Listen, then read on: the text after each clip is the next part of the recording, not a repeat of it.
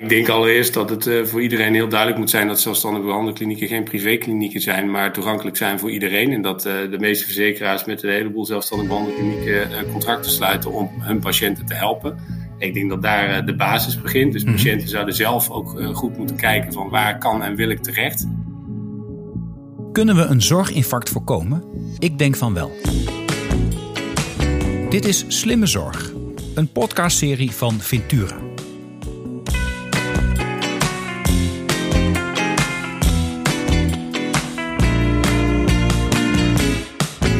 Gast van vandaag is Joris van Eyck. Joris begon zijn werkzame leven bij de Boston Consulting Groep als organisatieadviseur en heeft vervolgens een brede achtergrond in de gezondheidszorg opgebouwd. Hij was bij het AMC in allerlei bedrijfsvoerende rollen werkzaam, werkte in het Universiteitsklinikum Düsseldorf in Duitsland en als directeur zorg bij zorgverzekeraar Mensis. In 2018 nam hij deel aan de taskforce De Juiste Zorg op de Juiste Plek, waar hij Jack Dekker als oprichter van Equipe Zorgbedrijven leerde kennen. Binnen Equipe Zorgbedrijven is Joris momenteel algemeen directeur van de Nederlandse organisatie. Joris, welkom bij de Slimme Zorg podcast. Erg leuk dat je er bent. Uh, en als je hier bent, ja, dan ontkom je niet aan die ene vraag. Wat is volgens jou slimme zorg? Nou, uh, dank Arno allereerst voor de uitnodiging. En slimme zorg, ja, dat is voor mij eigenlijk uh, samen te vatten in een hele simpele zin. Namelijk de juiste zorg, op de juiste plek, op het juiste moment, tegen de juiste prijs. En daar valt natuurlijk een heleboel over te zeggen. Maar ja. dat is waar slimme zorg bij mij over draait. Ja, precies. En als we dat voor elkaar kunnen krijgen, al die, al die vinkjes zetten bij juist, dan doen we het goede. Dat lijkt mij wel, ja. Ja, oké. Maar dat doet vermoeden, uh, als je dat zo zegt, dat dat momenteel nog lang niet altijd het geval is. Dat we nog te vaak de verkeerde zorg op de verkeerde plek, met de verkeerde, met de verkeerde interventie, et cetera, leveren. Hoe ja. kijk je daarnaar? Wat, waar, waar zitten nou de grote verbeteringen? Nou, laten we even inzoomen hè, op al die verschillende elementen. Want dat is misschien mm -hmm. denk ik toch wel leuk. Als je het hebt over juiste zorg, dan komt daar natuurlijk een heleboel bij kijken. Mm -hmm. Allereerst, uh, wat kunnen we digitaal af? Daar hebben we natuurlijk in corona veel geleerd. Zijn mm -hmm. wij als equipe ook heel erg op aan het investeren om te kijken hoe kunnen we nou iemand zo digitaal mogelijk helpen. Wij zien eigenlijk aan de ene kant dat je gewoon als de bliksem moet zorgen dat een aantal basisprocessen gedigitaliseerd worden. En dan noem ik het zorgpad kunnen volgen waar je als patiënt in terecht komt, maar ook online afspraken maken. En aan de andere kant hebben wij een heel spoor opgezet waarin we compleet nieuw naar het zorgproces kijken, zonder alle systemen en andere belemmeringen die er op dit moment zijn. Mm -hmm. um, dus de juiste zorg gaat vooral over hoe digitaal mogelijk, maar ook over dat je niet te veel doet. En dat je precies het juiste doet voor wat iemand nodig heeft. Ik zeg in de hand- en polszorg bij ons altijd: een keeper heeft een andere hand- en polsbenadering nodig dan iemand die de hele dag achter kantoor zit of die zijn handen eigenlijk nauwelijks gebruikt in zijn werk. Mm -hmm. Dus daar heb je ook een andere um, ingreep wellicht voor nodig en een andere procedure. Nou, daar moet je natuurlijk goed over nadenken hoe je ervoor zorgt dat dat zo doelmatig mogelijk, zo conservatief mogelijk als het kan, uh, eigenlijk tot de juiste zorg kan leiden. Mm -hmm.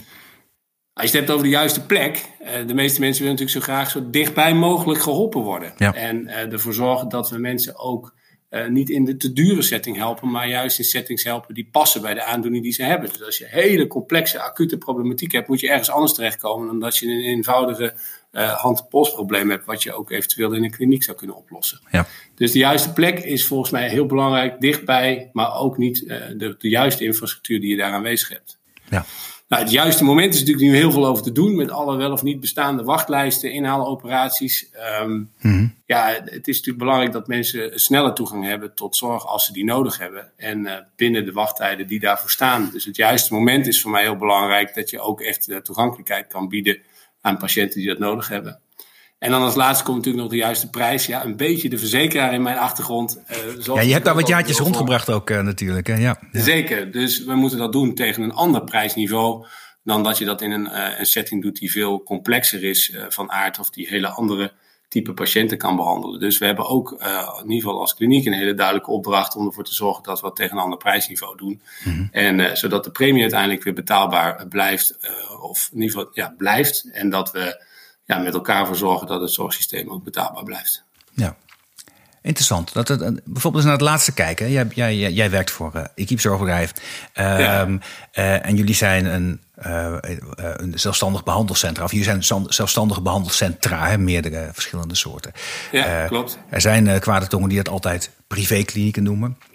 ja. Nou, heb jij een hekel aan die term, weet ik. ja, nou, privéklinieken suggereert dat het alleen voor bepaalde mensen toegankelijk zou zijn. Terwijl wij zijn, we hebben alle contracten met de zorgverzekeraars en zijn toegankelijk eigenlijk voor iedereen. Dus mhm. ook voor mensen uh, die denken dat dat met privéklinieken te maken heeft, zijn we gewoon bereikbaar. Maar uh, het is uh, voor iedereen toegankelijk. Dus het heeft niets meer met een bepaalde segment in de markt te maken waar wij alleen voor toegankelijk zouden zijn. Nee, dus bereikbaar voor iedereen. Maar dan kleef je ook al nog het beeld aan van, um, ja, ja, dat soort klinieken, die zullen wel heel duur zijn. Of heel exclusief. Ja, wat zeg je net? Nee, we zijn voordeliger dan wanneer je hetzelfde zou moeten doen in een, in een regulier ziekenhuis. Ja. En dat komt omdat je, omdat je kunt focussen op datgene waar je gewoon goed in bent. Dat klopt. Uh, wij eh, proberen natuurlijk door een efficiëntie in onze processen uh, een heleboel dingen veel sneller te doen, zodat we ook uiteindelijk een lagere prijs kunnen vragen aan verzekeraars. Mm um, ik had laatst iemand vanuit de overheid op werkbezoek en toen legde ik nog eens uit hoeveel procedures wij voor hand- en polszorg op één op operatiedag kunnen doen. Dat is echt een, een significant aantal. En dat doen we omdat we ons proces heel efficiënt hebben ingericht. Dus s ochtends beginnen we met mensen die geen anesthesie nodig hebben en starten we daarna de anesthesieprogramma op. En aan het einde doen we dat weer, zodat we op een dag mogelijk zoveel mogelijk mensen kunnen zien. Mm en daarmee proberen we ook uh, ja, efficiënt te zijn, onze bijdrage te leveren aan het zorgsysteem. En dat moet ook, want anders is er natuurlijk geen bestaansrecht voor zelfstandig behandelcentra in mijn ogen. Nee, precies. Dus als ZPC zeg je, ik, ik doe waar ik heel goed in ben, dat doe ik efficiënt, heb ik er alle procedures voor, ik heb alles in huis op dat specifieke onderwerp waar wij heel goed in zijn. En daardoor kan ik dat gewoon efficiënter en goedkoper dan een regulier ziekenhuis. En daarvoor wil ik jou wat interessant zeggen. Je zegt eigenlijk dat een regulier ziekenhuis deze zorg wellicht ook niet zou moeten bieden. Of uh, dat mag wel, maar in ieder geval dat, dat, dat, dat het toch lastig is. Dat je misschien daar meer naar de complexere vormen van zorg zou moeten kijken. Zodat je ook ruimte creëert om de wat ja, is, het, is het eigenlijk eenvoudige zorg, maar dit is specifieke vormen van zorg op een andere manier te organiseren? Nou, ik heb natuurlijk in een groot academisch ziekenhuis gewerkt en bij mensen gewerkt. Dus het is niet zo dat ik nu zeg van nou, dat moet eigenlijk allemaal maar uh, stoppen. Wat ik wel altijd zeg is, um, we hebben in een ziekenhuis best wel veel verschillende processen uh, georganiseerd die eigenlijk hele andere competenties vragen. Ik zeg altijd uh, chronische zorg, waar natuurlijk veel buiten de ziekenhuismuren zich afspeelt en wat ook continu proces is, waar natuurlijk heel veel technologie tegenwoordig um, bij gevraagd wordt en bij nodig is. We hebben uh, complexe zorg, uh, waar je echt uh, hoog specialistisch dingen moet kunnen leveren, soms met hele ingewikkelde apparatuur. Mm nou, dat kun je alleen maar doen als je daar de schaal voor hebt om, om te kunnen leveren. Acute zorg, die moet er altijd zijn. Weten we nu heel goed sinds corona hoe belangrijk dat is. En ja. die infrastructuur moet je goed kunnen inregelen. En dan heb je het electieve zorgstuk, wat ook weer hele andere competenties vereist, die op efficiëntie zitten. En uh, natuurlijk zijn er een heleboel mensen in het ziekenhuis uh, in al die verschillende blokken actief. Maar uh, ik denk dat het wel heel belangrijk is om ook een onderscheid in competenties aan te brengen. En dat je echt hele andere dingen uh, moet kunnen voor die verschillende typen van zorg. En nou, ik denk dat wij ons heel erg concentreren op dat electieve stuk. En ook heel graag samen willen werken met ziekenhuizen om onze competenties dan in ieder geval daar beschikbaar te maken. Nou, je merkt dat dat natuurlijk toch best wel ingewikkeld ligt als een ziekenhuis dat vooral als een bedreiging ziet. Uh, omdat natuurlijk een heleboel van de zorg in de afgelopen jaren en ook met name in corona um, in zelfstandig behandelcentra is, uh, is, heeft plaatsgevonden. Um, ik denk meer dat we daarin moeten partneren. Dat doen we ook met een aantal ziekenhuizen rondom onze grote klinieken. Mm-hmm. Om te kijken, ja, kun je daar samen een toekomstbestendig bedrijfsmodel van maken. Waarbij je gebruik maakt van onze competenties op het educatieve zorgstuk. En tegelijkertijd nadenkt over hoe je het voor personeel, voor patiënten eh, zo goed mogelijk kan regelen. Eh, daarbij gebruik ik altijd, want je had straks even over uh, die dure infrastructuur. We hadden onlangs een patiënt van een samenwerkend ziekenhuis bij ons in behandeling met de dokter vanuit dat betreffende ziekenhuis. En al die patiënten was om feedback gevraagd. Een van die patiënten had gezegd: Jeetje, ik voel me wel heel vereerd dat dit voor mij beschikbaar is gemaakt. Want dit zal wel heel erg duur zijn. Terwijl onze prijs ja. ja. lag een stuk lager dan bij dat gemiddelde ziekenhuis. Mm-hmm. En dat zie je natuurlijk gebeuren als je veel meer aandacht kan hebben in een gefocuste kliniek. Waar je maar twee verdiepingen hebt. Waar je niet heel ver hoeft te zoeken naar waar je voor een operatiecentrum moet zijn. Ja. ja dan kun je dit soort belevingen, uh, die natuurlijk toch heel belangrijk zijn. Uh, kun je dan makkelijker neerzetten. En ik denk uh, dat we daar met z'n allen nog veel van kunnen leren. Ja. Ja, tegelijkertijd, en jij stipt dat al aan, hè, is er altijd heel veel sceptisch bij ziekenhuizen als het gaat om uh, zelfstandige behandelcentra. Ik doe zelf veel trajecten bij ziekenhuizen en, hebben ze, en daar krijg ik vaak te horen van ja, dat, dat die, die A's op onze patiënten, daardoor krijgen we onze omzet niet omhoog. Daardoor kunnen wij geen efficiënte, we hebben die electieve zorg nodig om betaalbaar zorg te kunnen leveren. En die zorgen snap ik ook wel. Als je, als je electieve zorg tegen een lager bedrag uit het ziekenhuis haalt. En als, als verzekeraar uh, uh, in dat, dat ziekenhuis daar niet linksom of rechtsom enigszins voor compenseert, dan hol je natuurlijk uiteindelijk die beschikbaarheidsfunctie van de ziekenhuis ook uit. Hoe kijk jij daar? Zeker. Of met, misschien met je oude pet nog even op ook van een verzekeraar. Ja, nee, dan kijk ik natuurlijk nog even hoe we daar naar mensen, vanuit mensen altijd naar hebben gekeken. En uh, dat was om natuurlijk niet de ziekenhuisinfrastructuur uit te hollen, maar wel om te kijken van nou waar staat de, welke activiteiten staat de ziekenhuis nou voor opgesteld. En hoe kun je nou, en dat is altijd wel een beetje de uitdaging die we in al die gesprekken met ziekenhuizen altijd hebben gevoerd, hoe kun je nou echt vooruitdenken? Ja. En waar sta je dan voor opgesteld? En hoe durf je, durf je een plan te maken? Nou, dat hebben we natuurlijk vanuit de taskforce, de juiste zorg op de juiste plek, hebben we ook wel een aanzet gegeven dat je regiovisies moet gaan maken, gebaseerd op regiobeelden. Waarbij je echt een plan maakt. Hoe transformeren we nou dit zorglandschap naar iets wat toekomstig bestendig is, eh, duurzaam, houdbaar, betaalbaar is. En je ziet dat de, nou, de waan van de dag zorgt er natuurlijk vaak voor dat er heel veel druk komt te staan op het huidige stelsel en systeem. Het was in corona, wat ons allemaal verrast, al lastig genoeg om alle patiënten goed te behandelen.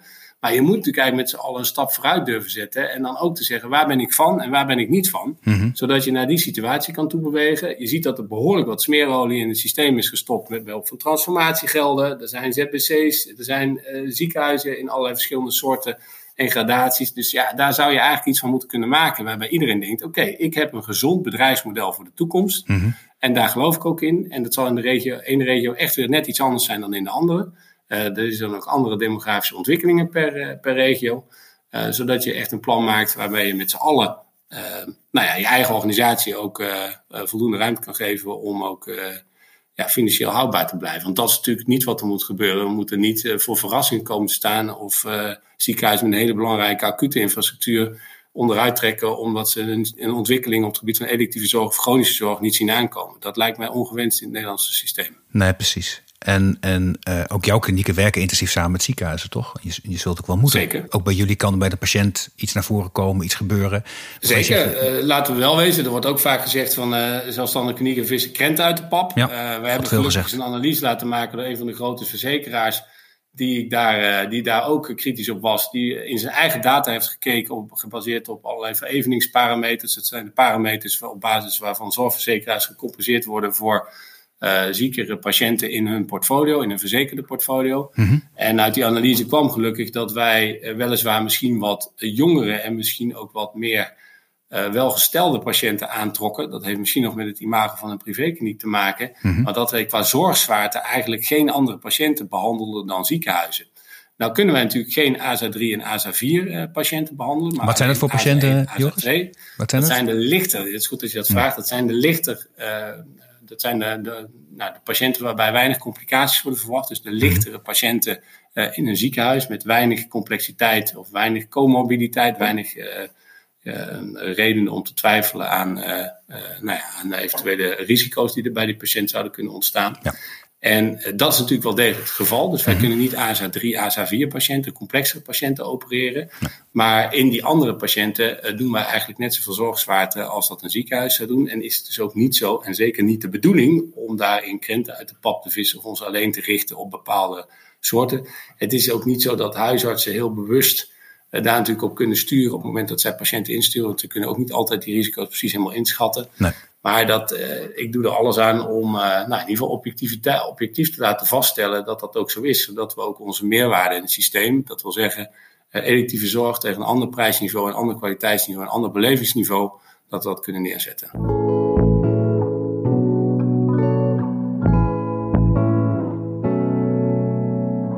Nou, heb je die, die, die hand- en die polszorg. En helemaal begin zei je al, je moet digitaal doen wat digitaal kan. Nou denk ik niet dat je digitaal in mijn pols kunt kijken en je kunt niet digitaal opereren. Uh, uh, maar toch wil je digitaal doen wat digitaal kan. Wat kan in die hand- en polszorg allemaal digitaal? En welke ambitie heb je daarin uiteindelijk? Nou ja, we zien natuurlijk dat huisartsen op dit moment onder veel druk staan en er veel patiënten met huisartsen met lichte klachten bij huisartsen komen. Dus het begint eigenlijk bij hoe kunnen we nou um, huisartsen helpen, maar ook mogelijke patiënten helpen om eigenlijk een triage te doen op wat er nou eigenlijk aan de hand is. Dus wat mhm. wij op dit moment aan het testen zijn, en van de week sprak ik weer Harm Slijper, onze ontwikkelaar van, uh, van ons kwaliteitssysteem, van waaruit we nu een triage-systeem aan het ontwikkelen zijn. Die vertelde vol trots dat we al honderden patiënten uh, nu aan het uh, dubbel inschieten zijn. Dus we zijn aan de ene kant een zelftriage aan het laten doen, met behulp van ons nieuw ontwikkelde systeem. Aan de andere kant doen we, komen ze nog gewoon bij onze reguliere dokter, die ook de diagnose stelt. En hij vertelde me vol trots dat we inmiddels op iets van 60 of 70 procent zitten van dat die twee matchen. Dus dat is een zelflerend systeem wat steeds beter moet worden. Mhm. En ik denk dat we daar eh, nou ja, in het veld in ieder geval heel erg mee kunnen helpen. Uh, want als je mensen uh, zo kan helpen dat ze niet naar een huisarts of niet naar ons als specialistische kliniek kunnen komen, maar bijvoorbeeld, we hebben al een heleboel online oefeningen klaarstaan voor de hand- en polszorg, met oefeningen een heel eind verder zou kunnen helpen. En stel je voor, je kunt daar een, een fix percentage van helpen in, aan de preventieve kant. Ja. ja. dat kan natuurlijk ontzettend interessant zijn om niet zozeer mensen uh, die kun je dan inderdaad niet digitaal opereren. Maar als je ze uit zorg kan houden, is dat natuurlijk wel heel interessant. En voor ons is dat interessant, omdat wij de specialist en de expert willen zijn op het gebied van hand- en polszorg. Uh, dus ook mensen willen helpen die nog geen klachten hebben. Hmm. En uh, dat kan voor huisartsen interessant zijn om ze te ontlasten. Nou, dat moet natuurlijk goed testen, want huisartsen krijgen natuurlijk heel veel toeltjes op zich afgesmeten. Dus dat moet allemaal wel echt kunnen helpen. Hmm. Maar daar zit denk ik een eerste grote stap. los van het dat, dat, je, dat we in onze eigen efficiëntie natuurlijk nog een heleboel dingen kunnen inzetten vanuit digitalisering om onze processen nog verder te optimaliseren en waar mogelijk te digitaliseren, zodat we ook eindelijk aan die achterkant, eh, ik voorzie geen automatische robots die in patiënten gaan snijden, maak je geen zorgen, maar uh, dat we wel een heleboel dingen nog naar voren kunnen halen, uitzorg kunnen houden en ook onze processen nog verder efficiënter kunnen maken en zo digitalisering een grote rol kunnen laten spelen ja, binnen de hand- en polszorg. En ik heb niet alleen over de hand- en polszorg. Hè. De hand- en polszorg is het vlaggenschip van Equipe. Equipe Clinics hand- en polszorg is waar het eigenlijk allemaal begonnen is in de verzekerde zorg. Maar dat doen we ook op het gebied van de oogzorg. Mhm. Daar zijn we nu bijvoorbeeld met oogmetingen die buiten onze instelling plaatsvinden. Maar bij optometristen uh, als partners zijn we met VGZ een, uh, een, grote pilot gestart om dat te doen. En dat doen we ook in de orthopedie. Uh, dat doen we ook in de proctologie. Proberen we eigenlijk op al die domeinen proberen we uh, ja, stappen te zetten om uh, nou ja, daar echt koploper in te zijn en uh, vooruitgang naar te streven. Dat is mooi. En in die en digitalisering kan ook zitten in je interactie met, met patiënten natuurlijk. Hè? Dat, ze, dat ze zelf um, inzicht zagen in dingen hebben, dingen kunnen administreren. Um, ik kan me voorstellen, maar ik weet niet of je al zover zijn, dat voor het fysiotherapeutische deel, dat je, dat je daar ook niet mensen alleen thuis oefeningen laat doen, maar je ook mee zou kunnen kijken. Dus er zitten wel degelijk opties ook daar nog. Ja, nou zeker. En dat, dat is zeker zo. Dus uh, het is eigenlijk meer een kwestie, en dat is wat interessant aan dat nieuwe traject wat we aan het ontwikkelen zijn, om echt even zonder de bestaande situatie helemaal opnieuw te denken. Hoe zou het er dan uit kunnen komen zien? En dan komen inderdaad ook dat soort uh, nou, opties voorbij um, om, om mensen echt gewoon nou ja, ook makkelijker en efficiënter te kunnen gaan helpen. Ja. ja. Nog even kijken naar die hand- en polszorg. Want je zegt, het is jullie vlaggenschip, niet het enige wat je doet, maar toch. Um, dat is in mijn ogen ook ja, ik, ik ben zelf zo'n patiënt die last heeft van zijn handen en van zijn pols. En uh, ik heb nog steeds ergens een verwijzing van mijn huisarts liggen om eens wat te gaan doen. En, en dan zegt ze, nou, je hebt twee opties. Je kunt naar een handencentrum in een uh, ziekenhuis. Uh, kost je wel je eigen risico, want dan zit je in medisch specialistische zorg. Maar in ieder geval dan, dan wordt er door je naar gekeken door een, ik denk door een orthopedisch chirurg. Ik weet eigenlijk niet wie er dan precies naar mij komt kijken. Maar je kunt ook naar een handencentrum, is meer fysiotherapeutisch. En dan gaan ze kijken wat daar nog mogelijk is. En wellicht ben je daar ook mee geholpen. Uh, uiteindelijk heb ik de keuze nog niet gemaakt. Er kwam corona, het kwam er niet van. Um, maar volgens mij doen jullie beide of geïntegreerd. Kun je daar eens wat meer over vertellen? Nee, dat klopt. Uh, en dat is ook een beetje waar ik uh, in de juiste zorg ook op doel op de juiste plek. Want uh, als mensen met een huisartsverwijzing bij ons komen, dan eh, kijkt altijd een hand- en polschirurg mee. Maar wij hebben ook in huis handtherapeuten. Mm En een patiënt kan dus eigenlijk allerlei verschillende soorten behandeltrajecten krijgen bij ons in huis. Dus dat is geen kastje naar de muur. Dat is zorgen voor een oplossing. Dus iemand die bij ons naar binnen loopt die loopt met een oplossing naar buiten. Het zij met uh, een prik, omdat het snel met een prik verholpen kan worden en het daarmee lijkt te kunnen worden verholpen. Mm uh, maar het zij met een, uh, een, een, conservatieve behandeling en met behulp van handtherapie.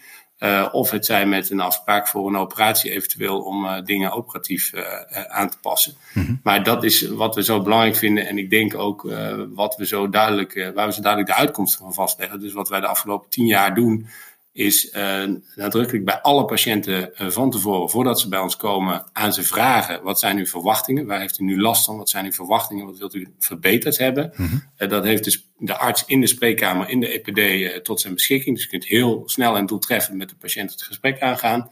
En uiteindelijk kijken. Ja, wat zou welke behandeling voor effect kunnen hebben? Dus wij kunnen op basis van de data die we hebben, en alle patiëntkenmerken die we aangeleverd krijgen van de patiënt zelf, kunnen wij ook een inschatting geven van wat zou welke behandeling voor effect op u hebben. Hm. Dus dan vergelijken we conservatieve handtherapie met operatieve procedure en nemen we samen met de patiënt een beslissing over wat het beste zou kunnen werken. Um, wat daar natuurlijk nog wel een beetje in de weg staat, is dat dat niet in onze organisatie in de weg, in de weg staat. Maar onlangs heb ik een presentatie gehouden bij de NZA, de Nederlandse Zorgautoriteit, over de sectoroverstijgende betaaltitel. Omdat er natuurlijk nog wel wat gekke financiële prikkels in het systeem zitten. En die financiële prikkels zitten in dit geval op opereren. Omdat opereren in de basisverzekering valt. En als je daar je eigen risico al hebt betaald, dan kan het dus lonen om je wellicht te laten opereren in plaats van conservatieve therapie, wat in de basis, wat in de aanvullende verzekering kan zitten, nou ja. die je wel of niet hebt. Dus daar zitten nog wat. Uh, en een spalk als hulpmiddel is weer een andere uh, financieringsmogelijkheid. En de medisch-specialistische revalidatie is alweer een andere tak van sport. Mm -hmm. um, waar nog een machtiging achter zit in veel gevallen. Dus zeg maar daar uh, zou het zo heel mooi zijn, gebaseerd op al die data die we hebben, om een soort bundelafspraak te kunnen gaan maken. Nou, daar zijn we met de Nederlandse Zorgautoriteit ook mee aan de slag. Ja. Om te kijken of we dit soort dingen niet nou ja, de prikkels ook anders kunnen zetten, zodat er echt ook vanuit financieel oogpunt gestimuleerd wordt om de juiste zorg te leveren. En uh, nou, dat vind ik wel een mooie uitdaging om in bijvoorbeeld die hand- en polszorg, maar vanuit mensen hebben we dat ook voor cataract en voor, voor heup- en kniecontracten destijds opgezet en nog voor een heleboel meer zorgaandoeningen.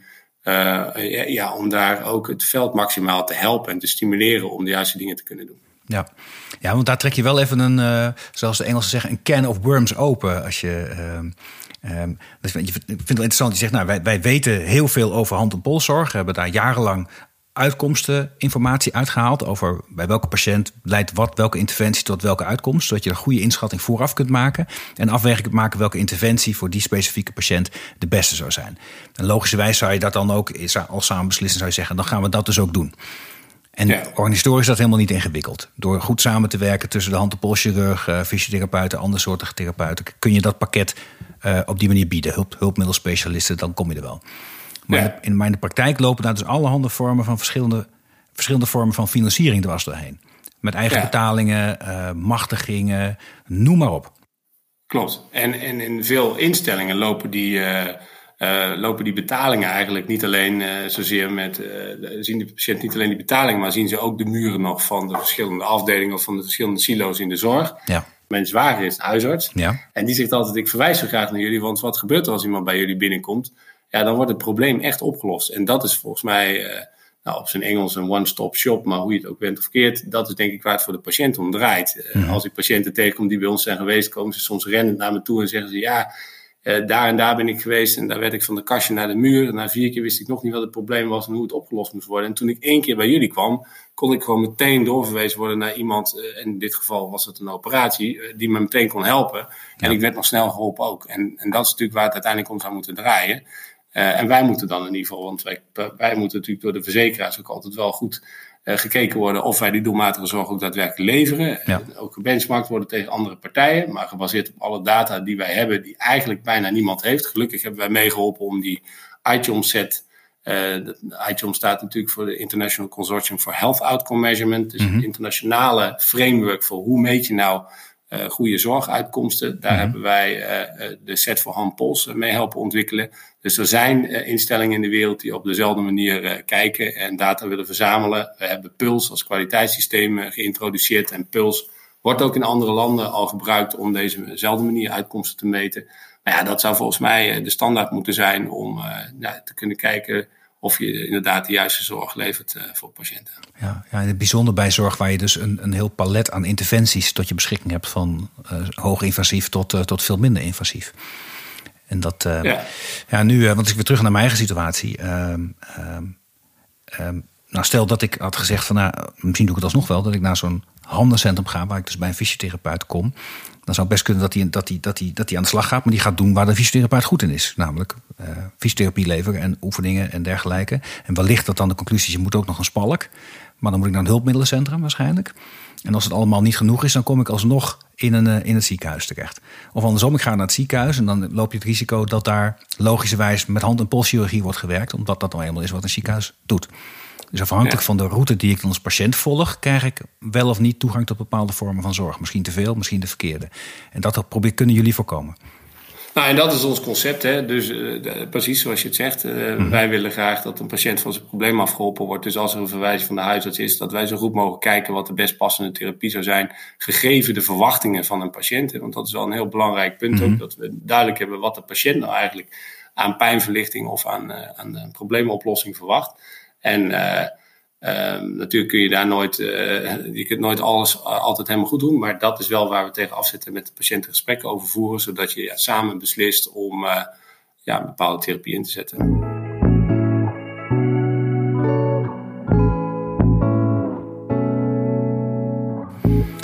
Hebben zelfstandige behandelklinieken meerdere keren aangeboden. In coronatijd van laat ons nou meer doen. Wij kunnen helpen om wachtlijsten weg te werken. Om, uh, om te zorgen dat, uh, dat niet te grote achterstanden bestaan. Op dit moment zijn die wachtlijsten overal nergens aanwezig. Um, zelf heb ik het idee dat, dat ja, ik weet niet, nog steeds massaal wordt verwezen naar, uh, naar klassieke ziekenhuizen voor ingrepen die ook bij zelfstandig behandelklinieken kunnen. En dat dat, dat, dat mede een oorzaak is van, van alle wachtlijsten waar we in zitten. En als hij eenmaal op die wachtlijst staat, dat de patiënt er ook niet meer zomaar vanaf komt, ondanks alles wat daar uh, mogelijk is. Hoe kunnen we dat nou doorbreken? Hoe kunnen we nou zorgen dat we die kracht van die zelfstandige behandelklinieken, zeker in deze periode met grote achterstanden, maximaal gaan benutten? Nou, ik denk allereerst dat het uh, voor iedereen heel duidelijk moet zijn dat zelfstandige behandelklinieken geen privéklinieken zijn, maar toegankelijk zijn voor iedereen. En dat uh, de meeste verzekeraars met een heleboel zelfstandige behandelklinieken uh, contracten sluiten om hun patiënten te helpen. Mm -hmm. Ik denk dat daar de basis begint. Dus patiënten zouden zelf ook goed moeten kijken van waar kan en wil ik terecht. Ehm, dat geldt natuurlijk niet voor alle regio's, maar voor de meeste regio's zijn ook zelfstandige behandelklinieken aanwezig. Dus mm -hmm. ik denk dat het daar begint. Um, ik denk dat het aan de zelfstandige behandelklinieken ligt om uh, hun toegevoegde waarde daadwerkelijk ook goed uh, neer te zetten. Zowel richting patiënten als richting verzekeraars. En ook daadwerkelijk die toegevoegde waarde moeten leveren. Mm -hmm. dus echt een onderscheidende propositie, om het zo maar even te noemen, moeten hebben ten opzichte van een traditioneel aanbod. Want anders heeft het niet zo heel veel zin om ze te laten bestaan, zeg ik dan altijd maar even heel flauw. Mm -hmm. Uh, tegelijkertijd moeten de verzekeraars daar natuurlijk ook uh, nou, dan een strategie opvoeren hoe zij dat voor zich zien en, en, en wat zij verlangen van die zelfstandige behandelklinieken uh, om te leveren. ik heb in het verleden meermaals over de rituele dans in de zorgcontractering gesproken, die we met z'n allen moeten doorbreken. Dus daar heeft iedereen een rol in te pakken. Mm -hmm. En ik heb ook altijd gezegd, kijk, je kunt niet verlangen dat als de schaal er nog niet is bij een zelfstandige behandelkliniek, dat je dan wel een hele lage prijs vraagt. Dus je moet ook met elkaar uh, openheid van zaken geven en met elkaar afspreken wanneer kun je welke schaal en welk prijsniveau leveren met elkaar. Ik denk dat dat een heel belangrijk uh, uitgangspunt is, los van alle kwalitatieve overwegingen. Ja, en dan zou je dat toch eigenlijk een beetje aan de gang moeten kunnen krijgen. Wat denk ik wel heel belangrijk is met betrekking tot die wachtlijsten. Ik zie natuurlijk ook al die monitors voorbij komen. En die monitoren we ook altijd bij het Zorginstituut, bij de kwaliteitsraad, waar ik zitting in heb. Um, en, en ik denk dat het wel heel belangrijk is om een goede, reële inschatting te maken van wat, wie daar nou nog allemaal op staat. Hmm. Want veel mensen zijn toch via zorgbemiddeling van een verzekeraar of via eigen initiatief uh, uiteindelijk ergens al geholpen. Uh, zodat we met elkaar ook heel duidelijk hebben wat is nou nog het probleem wat we met elkaar kunnen aanpakken. Okay. En ik denk dat de zelfstandige behandelklinieken meer dan bereidwillig zijn om daar een bijdrage aan te leveren. Um, dat hebben ze ook gedaan in corona en dat zijn ze ook bereid om in de toekomst te doen. Mm -hmm. Maar tegelijkertijd moeten we ook zorgen dat de, de zorginfrastructuur zoals we die graag willen hebben in Nederland ook in stand blijft. Dus daar, uh, daar hebben verzekeraars volgens mij een hele mooie rol in. Ja, zeker. Nou, daar, daar ligt inderdaad een hele grote, grote opgave. Uh, daarin had je het onder andere over die, de rituele dans van de contractering. Hè? Het, het circus waar je elk jaar doorheen gaat. Uh, ik, ik, noem het circus. Er valt wat voor te zeggen natuurlijk. Hè? Dat, je, dat je dat elk jaar opnieuw doet. Dat je, dat je in het spel tussen aanbieden en verzekeraar jaarlijks kijkt van nou, doen we de juiste dingen. Wat komt er op ons af? Kan een zo goed mogelijke prijs krijgen. Verzekeraar hoopt dat scherp te kunnen doen, om de premie laag te houden. Aanbieden hoopt dat de marge een beetje op zit, zodat hij gezond kan blijven bestaan. Dat, dat, dat klinkt allemaal heel logisch. Tegelijkertijd zie je dat de populatie heel sterk verandert. Dat de, dat de, de, de aard van de, van de zorgvragen enorm verandert. Dat er heel veel druk zit op de zorg. Daar in het verleden prijs heel leidend was, nu aanbod heel erg leidend is. Hoe zou dat met elkaar kunnen doorbreken, denk jij?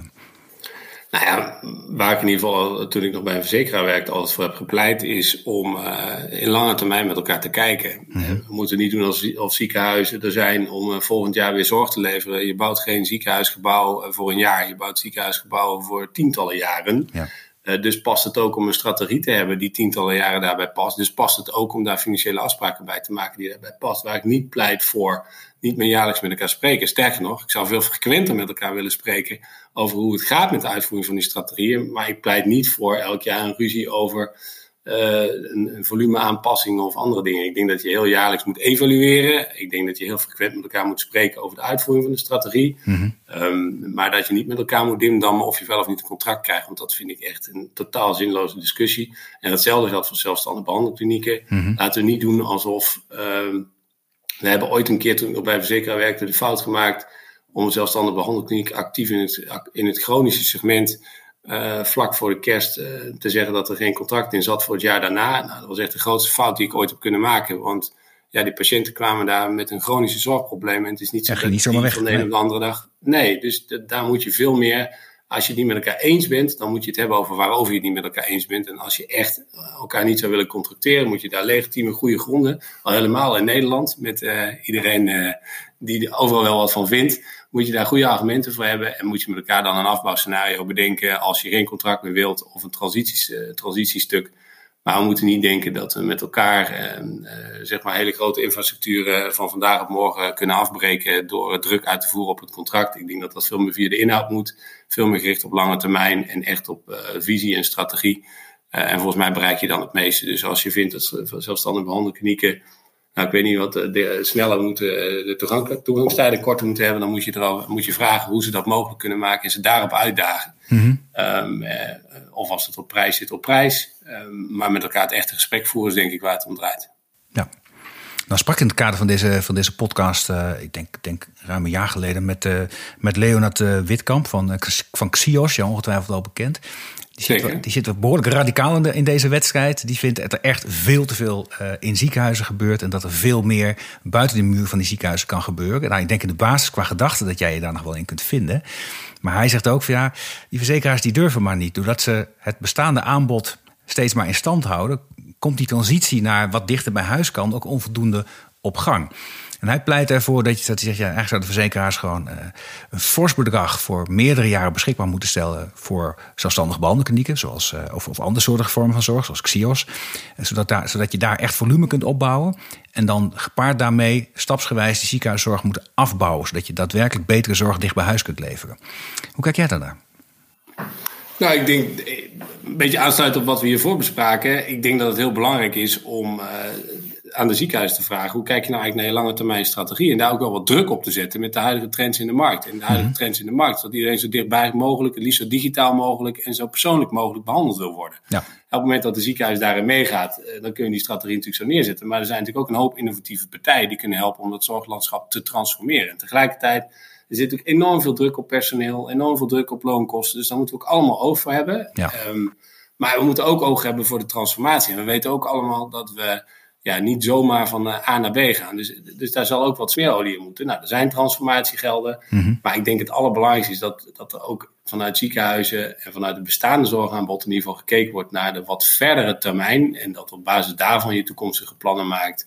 Nou, er zijn veel ziekenhuizen die nu met nieuwe bouwplannen komen, die kleiner zijn dan in huidige infrastructuur. Dus Ja. er gebeurt denk ik ook een heleboel Ja. op dat vlak. Ik denk dat een heleboel ziekenhuizen graag willen partneren met zelfstandig behandelklinieken om van hun competenties gebruik te maken. Ehm, nou, ik denk dat dat eh, allemaal wel signalen zijn dat daar wel eh, degelijk eh, ruimte is. Van verzekeraars zou ik in ieder geval, ehm, eh, in ieder geval suggereren om goed te kijken naar wat je van die partijen verwacht. En niet zomaar in de rituele contracteringstans een contract te verlengen met een klein indexje of een klein. dat schiet volgens mij ook niet op. Gewoon Nee. rigoureuzere keuzes maken. Met wie wil je dat zorglandschap transformeren? En waar geloof je in?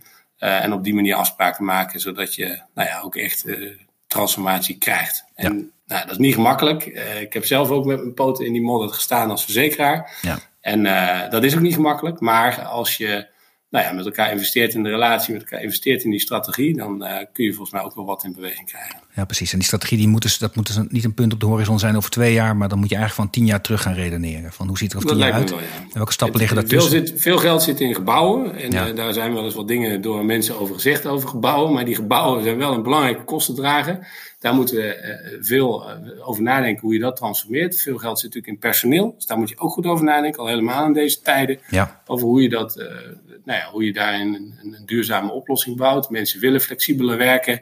het op, de opkomst van het ZZP-schap is natuurlijk ook heel groot in de zorg. Hoe kun je nou mensen toch aan je binden als organisatie en daar ook aantrekkelijk in blijven als werkgever? Mm Nou, daar kun je ook partneren tussen de, de, kijk, verschillende Sommige mensen vinden het heerlijk om ook een beetje afwisseling te hebben in hun werk. Dus is het juist misschien wel leuk om, uh, daar praten wij nu over met een paar ziekenhuizen, om personeel ja, op verschillende plekken in te kunnen zetten. En uh, nou ja, het zo ook heel aantrekkelijk te maken om bij ons en bij dat ziekenhuis te kunnen werken. En ik denk dat we zo meer uh, te strijden moeten trekken met elkaar om nou, die zorg toegankelijk, duurzaam, betaalbaar en kwalitatief hoogstaand te maken. Ja, precies. En dan, zie je dus, dan is het een gemeenschappelijk project van, ja. van verzekeraars en aanbieders. En ook zelfstandige wandelklinieken samen met ziekenhuizen en andere partijen in de, in de zorg om dat, om dat op te pakken. Ja. ja. Ja, wel dan nog steeds zullen er veranderingen plaatsvinden die niet iedereen even leuk vindt en uh, die soms pijn doen, maar toch. Want ook, Zeker. en, en de maatschappelijk hebben we ook een gesprek te voeren. Hè. Het, het, het, we weten allemaal dat, dat de populatie vergrijst, dat de zorgvraag toeneemt, het aantal professionals kan niet toenemen. Maar vanuit het aanbod, de toename van de zorgvraag, is, leeft maatschappelijk heel sterk het idee. Dan hebben we dus meer ziekenhuiszorg nodig. Dat is de meest zichtbare zorg die er is. En ik vond het wel heel interessant, en jij wees net al op, dat, dat onlangs de plannen van het Slingerland ziekenhuis in Doetinchem bekend werden gemaakt. En dat is in de achterhoek volgens mij een van de meest vergrijsde regio's van, van Nederland. En dat ziekenhuis gaat herbouwen en wordt fors kleiner. Ja. En, maar kiest voor heel andere concepten. Gaat integreren inderdaad met andere vormen van zorg. En op die manier denken ze beter aan te sluiten bij de daadwerkelijke zorgbehoeften. Ik kan me voorstellen dat ook ZPC's daar een rol in zouden kunnen vervullen. In zo'n Zeker. in zo'n kleine complex. Zeker. En uh, dat is natuurlijk zeker zo. Dus met sommige ziekenhuizen praten we ook over om uh, wellicht gezamenlijk uh, verder stappen te ondernemen in bepaalde soorten van zorg. En, en nou ja, dan is de vraag van wat is nou eigenlijk het probleem? Soms zijn dat operatiekamers, soms is dat personeel, soms is het de combinatie van beide. Um, maar dat je met elkaar gaat kijken naar oplossingen om zoveel mogelijk patiënten toch te kunnen helpen. Um, op de juiste plek, op het juiste moment, met de juiste zorg en tegen de juiste prijs. Ja, ja, dat kan dus ook in zo'n kleine complex, doordat je, dat je dingen slim en efficiënt met andere partijen samenwerkt. Ik ben, ik, ben echt, ik ben echt heel benieuwd of dat gaat gebeuren de komende jaren. Ik, ik zie het wel, dat het zou kunnen. En je kunt de kans ook grijpen op het moment dat er toch grote nieuwbouwplannen liggen om dat te doen. Slingerland is daadwerkelijk van, van een heel groot plan naar een veel kleiner plan teruggegaan. Het zal deels te maken met het feit dat de fusie niet doorging. Maar toch, uh, het is, het is, we bedienen nog steeds dezelfde regio. Dus wat dat betreft uh, zou dat moeten kunnen. Uh, wellicht is dat ook wel de, de, de, weg om te gaan. Dat elke keer als de kans zich voordoet, dat je dan ook moet doorpakken met elkaar. om het anders te gaan doen. Nou, interessant.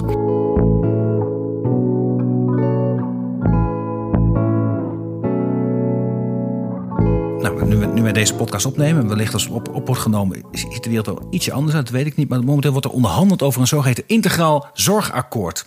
Dat lijkt wel de oplossing, de grootste oplossing in het gebied van zorg voor alles te moeten zijn. Wel heel moeilijk. Alle partijen in de zorg onderhandelen met elkaar over hoe het de komende jaren verder moet. Mijn eerste vraag is: zit, zit je daar als zelfstandig behandelkliniek aan tafel of niet? Ja, daar zitten we zeker aan tafel, gelukkig. En ik denk ook heel belangrijk dat we daar aan tafel zitten. Er zijn een heel aantal thema's gedefinieerd, waarbij wij een aantal thema's ook als zelfstandig behandelkliniek eh, zeg maar, ruimte hebben gekregen om mee te denken. Dus dat is denk ik heel fijn en heel goed eh, voor het zorgstelsel. Ehm, ja, ik heb toch wel even de neiging om te reageren hè, op dat integraal zorgakkoord. Ik denk dat het een hele mooie ambitie is om eh, vanuit het integraal zorgakkoord te werken. Waar ik in ieder geval super blij mee ben, is dat er geen silo-akkoorden meer worden gesloten. Ehm, en met silo-akkoorden bedoel ik één akkoord voor de huisartsen, één akkoord voor de ziekenhuizen, één akkoord voor de GGZ. Ja, deden we hiervoor. één akkoord Ja. voor de wijkverpleging. Ja. Maar dat er eh, veel meer eh, eh, vanuit een holistisch beeld naar wordt gekeken. Wat ik wel een gemiste kans daarin vind, moet ik toch wel even zeggen, is dat er niet zozeer vanuit. Ik zou er nog veel meer hebben gepleit voor een doelgroepswijze benadering. Dus dat je eigenlijk kijkt, goh, kunnen we niet een acuut zorgakkoord sluiten, een, een, eh, een electief zorgakkoord, ehm, een chronisch zorgakkoord en een complex zorgakkoord, bij wijze van spreken. Ja. En natuurlijk zitten er dan in zo'n zorgakkoord eh, allerlei verschillende soorten partijen. Uh, maar dan krijg je wel uh, dat die partijen uh, in een heel ander denkframe worden gezet. En daar gaat het volgens mij om. Als je wilt dat mensen gaan samenwerken, moet je ook de context veranderen waarin ze werken. Ja. Dus als je een chronisch zorgakkoord sluit met de wijkverpleging, de huisartsen en een deel van het ziekenhuis. Ehm, nou, dat, dat, en technologiepartners, bij wijze van spreken. Mm ja, dan is dat het frame waarin er gewerkt wordt. En uh, bij het Zorginstituut zeg ik ook altijd: zolang jullie kosten blijven verzamelen langs zorgsoorten, blijft het veld zich inrichten naar zorgsoorten en niet naar patiënten. Ja. Dus dat is volgens mij super belangrijk, ook in dit soort akkoorden. Dus ik ben heel erg blij dat er thema's zijn, dat er een vanuit een holistische manier gekeken wordt. Weg van de silo's en ieder voor zich. Mhm. Maar um, ik geloof dat, we, dat dat wel een hele grote stap is. Misschien zou er nog een bruggetje in hebben gezeten door uh, een, een, tussenstap te maken. Ja. Maar wie weet komt die tussenstap er uh, in de toekomst nog. Dat uh, zou altijd nog kunnen. Nou ja, het is wel interessant. Want als je, als, ik, ik doe van dat soort projecten dat je probeert regionaal zorg anders vorm te geven. Te kijken hoe je ziekenhuizen in de toekomst kunt vormgeven. Dan gaat het wel precies over deze thema's die je aanreikt. En, en als je dat niet goed definieert, merk ik ook in de praktijk, dan gaat het ook mis. Want dan ga je het hebben over, nou ja, de populatie verandert, de zorg in de toekomst moet veranderen. Uh, wat betekent dat? En dan roept er altijd iemand, ja, maar uh, wat moet het dan met de acute zorg? Want ja, en omdat iemand heel erg denkt vanuit dat frame, acute zorg, belangrijkste functie van een ziekenhuis, of een van de belangrijkste functies, en dat moet overeind blijven. Terwijl als je met een chronische zorgbril naar vraagstukken kijkt, dan kom je tot heel andere oplossingen. En uh, dus ja, die populatieachtig of die, die ja, het niet aandoeningsgericht, maar veel meer op, op, op doelgroepen gerichte aanpak. Ik geloof daar wel in. En in de praktijk zie je het ook wel gebeuren. Maar daarin uh, nou, kunnen we nog wel wat winnen. En ook maatschappelijk. Denk ik. Zeker. En, en ik, ik vind het altijd heel mooi. Een van onze taskforce-leden, de juiste zorg op de juiste plek, uh, zei altijd de woord, sprak altijd uh, de woorden van: ja, het gaat er niet om dat je je eigen stoepje schoonveegt, maar de hele straat met elkaar. En uh, nou ja, dat je op die manier kijkt vanuit het patiëntenbelang van hoe kunnen we dit nou het beste organiseren. En dat betekent echt dat we af moeten van de silo's en de financiering van silo's, maar veel meer naar nou ja, het kijken vanuit de patiënten en uh, hoe je dat op die manier op kan pakken. Ja, maar er wordt nog wat om dat te veranderen. Want, die, Zeker. want die, er zijn allemaal redenen waarom die silo's gefinancierd zijn zoals ze zijn. Ik, kan het ook, ik kon het als politicus altijd heel goed uitleggen waarom het was zoals het was. En welke keuzes daartoe hebben geleid. Dat is allemaal heel hartstikke mooi. En, uh, en, en het is altijd, het is altijd veel makkelijker van een ei een omelet te maken dan van een omelet weer een ei. En dan, uh, of, of, iets, of, of gekookt ei. Dat, is, dat valt toch om het rommel niet mee. Ja. Nee, ja, je noemde het zelf al net, het voorbeeld tussen, tussen als, je, als je te maken hebt met of een ingreep in een ziekenhuis, of in ieder geval medisch specialistische ingreep, of, of uh, een fysiotherapeutische ingreep, ja, dan zit je al in de werelden van wel of geen eigen risico, aanvullende verzekering of, of, of, of basisverzekering. Nou, doen we nog een stukje wijkverpleging bij. En dat zal bij die handpolsen geneeskunde niet meteen, niet, niet meteen spelen. Nou, misschien ook wel, maar Nee, maar toch ook kan het wel. Hè? Toen bij mensen een contract sloten met Sensier, het Slingerland, de desbetreffende Slingerland ziekenhuis. En hmm. in, dat, in die tijd nog uh, uh, Lucie als uh, technologiepartner. Toen sloten we een contract over zorgsoorten heen. En zeiden we tegen elkaar, we gaan het meten. En we leggen de uitdagende ambities neer om de zorgkosten te verlagen en de kwaliteit te verhogen. Hmm. Ja, en dat was, over, over, dat was echt gericht op het welbehagen van de patiënt. Getest, uitgevoerd en, en geïmplementeerd. En het kan dus wel. En, en uh, daar blijf ik ook wel in geloven. Dat dat de manier is om te gaan. Omdat er veel ruis zit tussen verschillende sectoren. Als je silo, tussen verschillende silo's zit er ook veel ruis. Ondanks dat iedereen natuurlijk super zijn best doet om het zo goed mogelijk te regelen voor patiënten. Ja, het helpt toch als je daar ook de financiering naar regelt en de organisatievorm naar kiest. Nou, dat is wat we bij Equipe natuurlijk doen. Met het mm -hmm. uitgebreide voorbeeld wat we rondom hand- en polszorg hebben besproken. Maar dat zou je ook met, uh, met chronische zorg, met uh, complexe zorg uh, nog veel meer kunnen initiëren. Ja. En dat gebeurt natuurlijk ook op een heleboel plekken. Er zijn fantastische voorbeelden van allerlei soorten. Maar daar zou ik in ieder geval wel voor willen pleiten. Ja, nou, ik kom wel steeds meer achter dat dat, dat op heel veel plekken gebeurt inderdaad. Vaak nog in een experiment of in een pilot of wat dan ook. En ik heb altijd erg mopperig over pilots. mijn, een van mijn vorige gasten had het over de pilotitis. Dat vond ik wel een, vond ik wel een mooi woord. Um, maar uh, in, uh, gesprekken laatst met de Nederlandse Zorgautoriteit, uh, daar was jij trouwens ook bij, bleek wel dat als je het integraal wilt doen. en je zegt, nou, ik, ik, heb, ik heb die patiënt en die patiënt die, die heeft nou, niet, niet een one-stop-fits-all oplossing nodig, maar heeft zorg nodig uit verschillende bronnen. Maar het hoort wel een beetje bij elkaar.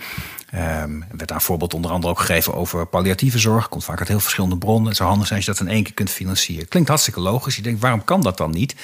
En dan blijkt een van de problemen te zijn de verevening. Dat is toch iets waar mensen dagelijks niet over nadenken. Maar dat, verevening is de kurk waar het de, de, de zorgverzekeringswet op drijft. En die ervoor zorgt dat iedere verzekeraar, zonder zich daar nou ja, een beetje grotendeels echt zorgen over te moeten maken.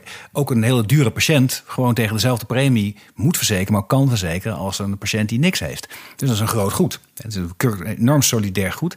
Maar als je niet meer kunt achterhalen of niet meer goed registreert waarvoor patiënten binnenkomen, voor welke aandoening, kan uiteindelijk krijg je als, als, als verzekeraar niet je vereveningsbijdrage en wordt het alsnog een hele dure patiënt. Of misschien heel goedkoop, omdat het de andere kant uitvalt. Ik schrik daar soms wel eens van. Dat heel veel dingen die we in het zorgstelsel hebben gestopt. Met hele goede bedoelingen, in dit geval solidariteit. Daar schieten we ons ook een beetje in de voet. Ja, dat is een heel groot onderwerp wat je nu aandraagt. Maar, uh, en, nee, maar goed, je zit, je zit bij het zorginstituut ook. En dan loop je volgens mij ook daar steeds tegenaan. Dus je denkt denk heel vaak tegen mensen, doe, maak denken nou, dingen nou simpeler. En dat kan soms ook wel. Maar dan moet je ook ergens ook alweer afscheid van durven nemen van dingen die je ook belangrijk vindt. Eh, en dat... Nou ja, even over verheving. Het liefst wat ik natuurlijk zo simpel mogelijk zou willen maken, is mhm. dat uh, zorgverzekeraars uh, veel beter verevend zouden worden voor zieke patiënten. En dat je aan het eind van het jaar geen advertenties hebt over bent u gezond en fit, kom dan naar ons als verzekeraar. Maar dat je aan het eind van het jaar uh, campagnes hebben over bent u ziek, zwak en misselijk. En heeft u 23 chronische ziekte, komt u bij ons, want dan gaan we u helpen. Ja. ja. dat zou natuurlijk ideaal zijn. Ehm, ik weet dat het zo eenvoudig niet ligt, geef me een achtergrond, maar ja, dat is natuurlijk wel wat je van die verevening hoopt. Dus uh, ik denk dat die verevening heel belangrijk is. Maar een verevening moet natuurlijk niet uh, vernieuwing blokkeren. En moet ook niet in de weg staan um, uh, uiteindelijk om bepaalde stappen te kunnen zetten. Dus dat is denk ik het belangrijkste doel. Het moet een fair afrekening zijn tussen verzekeraars. Mhm. Maar het moet vooral niet in de weg staan dat je dingen waarvan je denkt, hey, die zijn goed om te doen. passende zorg, waar we natuurlijk met z'n allen nu mee bezig zijn. Ja. Om ja, om, dat, uh, om dat voor elkaar te krijgen.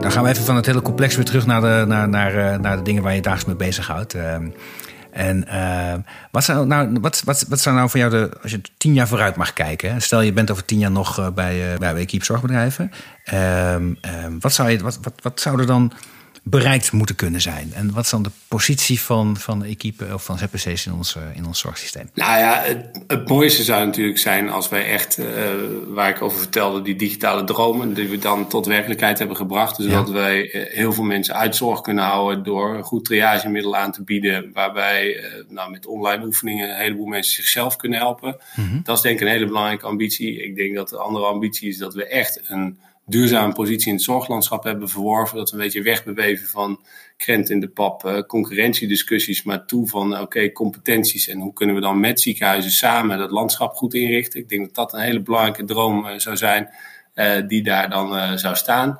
En voor Equipe zelf hoop ik dat op alle zorggebieden waar multidisciplinariteit een groot goed is en waar het dus belangrijk is om een one-stop shop te hebben, zoals de orthopedie, zoals de hand- en polszorg, zoals de oogzorg uh, ja, dat we daar een, eh, een, een, hele duidelijke toegevoegde waardepropositie aan verzekeraars en aan patiënten hebben kunnen voorleggen. Zodat wij als organisatie ook uh, floreren bij uh, waar we goed in zijn. Ja, dus dat is een toekomst waarin ZPC's zeker geen kleinere, maar misschien wel een veel grotere positie innemen in het zorglandschap. Nou ja, niet, niet, als, niet als doel per se, maar wel om een bijdrage te leveren aan betaalbaar houden en toegankelijk houden van het zorgstelsel. Ja. ja. Nou, uh, dat is toch één precair onderwerp wat ik volgens mij wel aan moet sluiten. Kijk, politici kijken altijd een beetje met, met gemengde gevoelens naar, eh, naar ZPC's. Uh, eh, ik vind de ene kant wel heel mooi. nou, het is mooi. Dat, dat wordt inderdaad goede zorg geleverd, is vaak wel het idee. En um, ook patiëntvriendelijk en noem maar op. Nou, er wordt vaak gedacht dat is heeft te maken met cherrypicking. Daar heb je net jouw, jouw verhaal al verteld. Dat doen jullie in ieder geval niet. Uh, en, maar er wordt ook met een schuin nog gekeken naar de manier waarop ZPC's worden gefinancierd. Daar zit, uh, zit uh, soms private equity kapitaal in. In ieder geval, er zit, zit gewoon privékapitaal in, in dat soort bedrijven. En ik weet dat heel veel, heel veel politici daar een heel ongemakkelijk gevoel bij hebben. En dat er ook al nog wel eens wetgeving op stapel heeft gestaan om het allemaal maar te verbieden. Dat het allemaal niet meer zou mogen.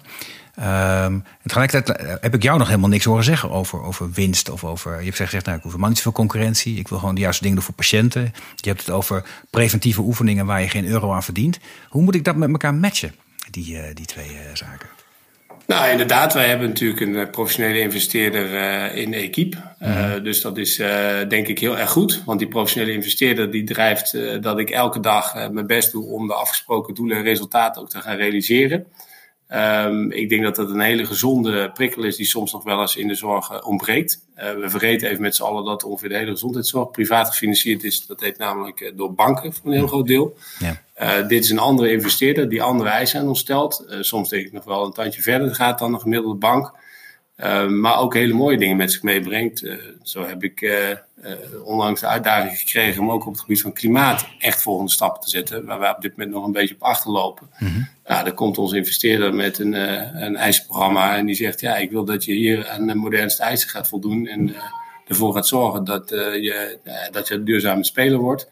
Dus ik zie eigenlijk een heleboel uh, voordelen van uh, private investeerder. Al is het alleen al dat wij uh, elke investering en elke euro die we uitgeven echt 23 keer omdraaien voordat we hem ook daadwerkelijk uitgeven. Dat mhm. leidt tot nou, bijzonder efficiënt neergezette klinieken in mijn ogen. Ten opzichte van sommige investeringen die ik in het zorgveld nog wel eens betwijfel. Maar ehm, ja, natuurlijk zit er dan wel ook een, zit er ook een private kapitaalverstrekker in die ook rendement op zijn investeringen zal gaan vragen. Ja. Dat wil niet zeggen dat hij eh, bij mij komt en korte termijn, uh, korte termijn winstuitkering wil stimuleren. Mhm. Maar hij gelooft in lange termijn waardecreatie, omdat daarmee de totaal van equipzorgbedrijven meer waard gaat worden. Ja. En dat dat ook een uiteindelijk interessante propositie is voor hem om in te investeren. Tot slot integrale zorgakkoord, daar wordt over onderhandeld. Je zit aan tafel, dat is hartstikke goed. Ehm, ehm, maar stel, stond nu in de schoenen van uh, minister Ernst Kuipers. Nou, je weet maar nooit, het zou, zou, kunnen. Wat zou nou het dossier zijn waarvan je zegt... dat zou ik aan het eind van deze regeringsperiode echt beter moeten hebben gedaan... dan wat het tot nu toe is? Of moeten we echt opgepakt hebben? Heb je daar nog een idee bij? Met de brede ervaring die je hebt in de zorg.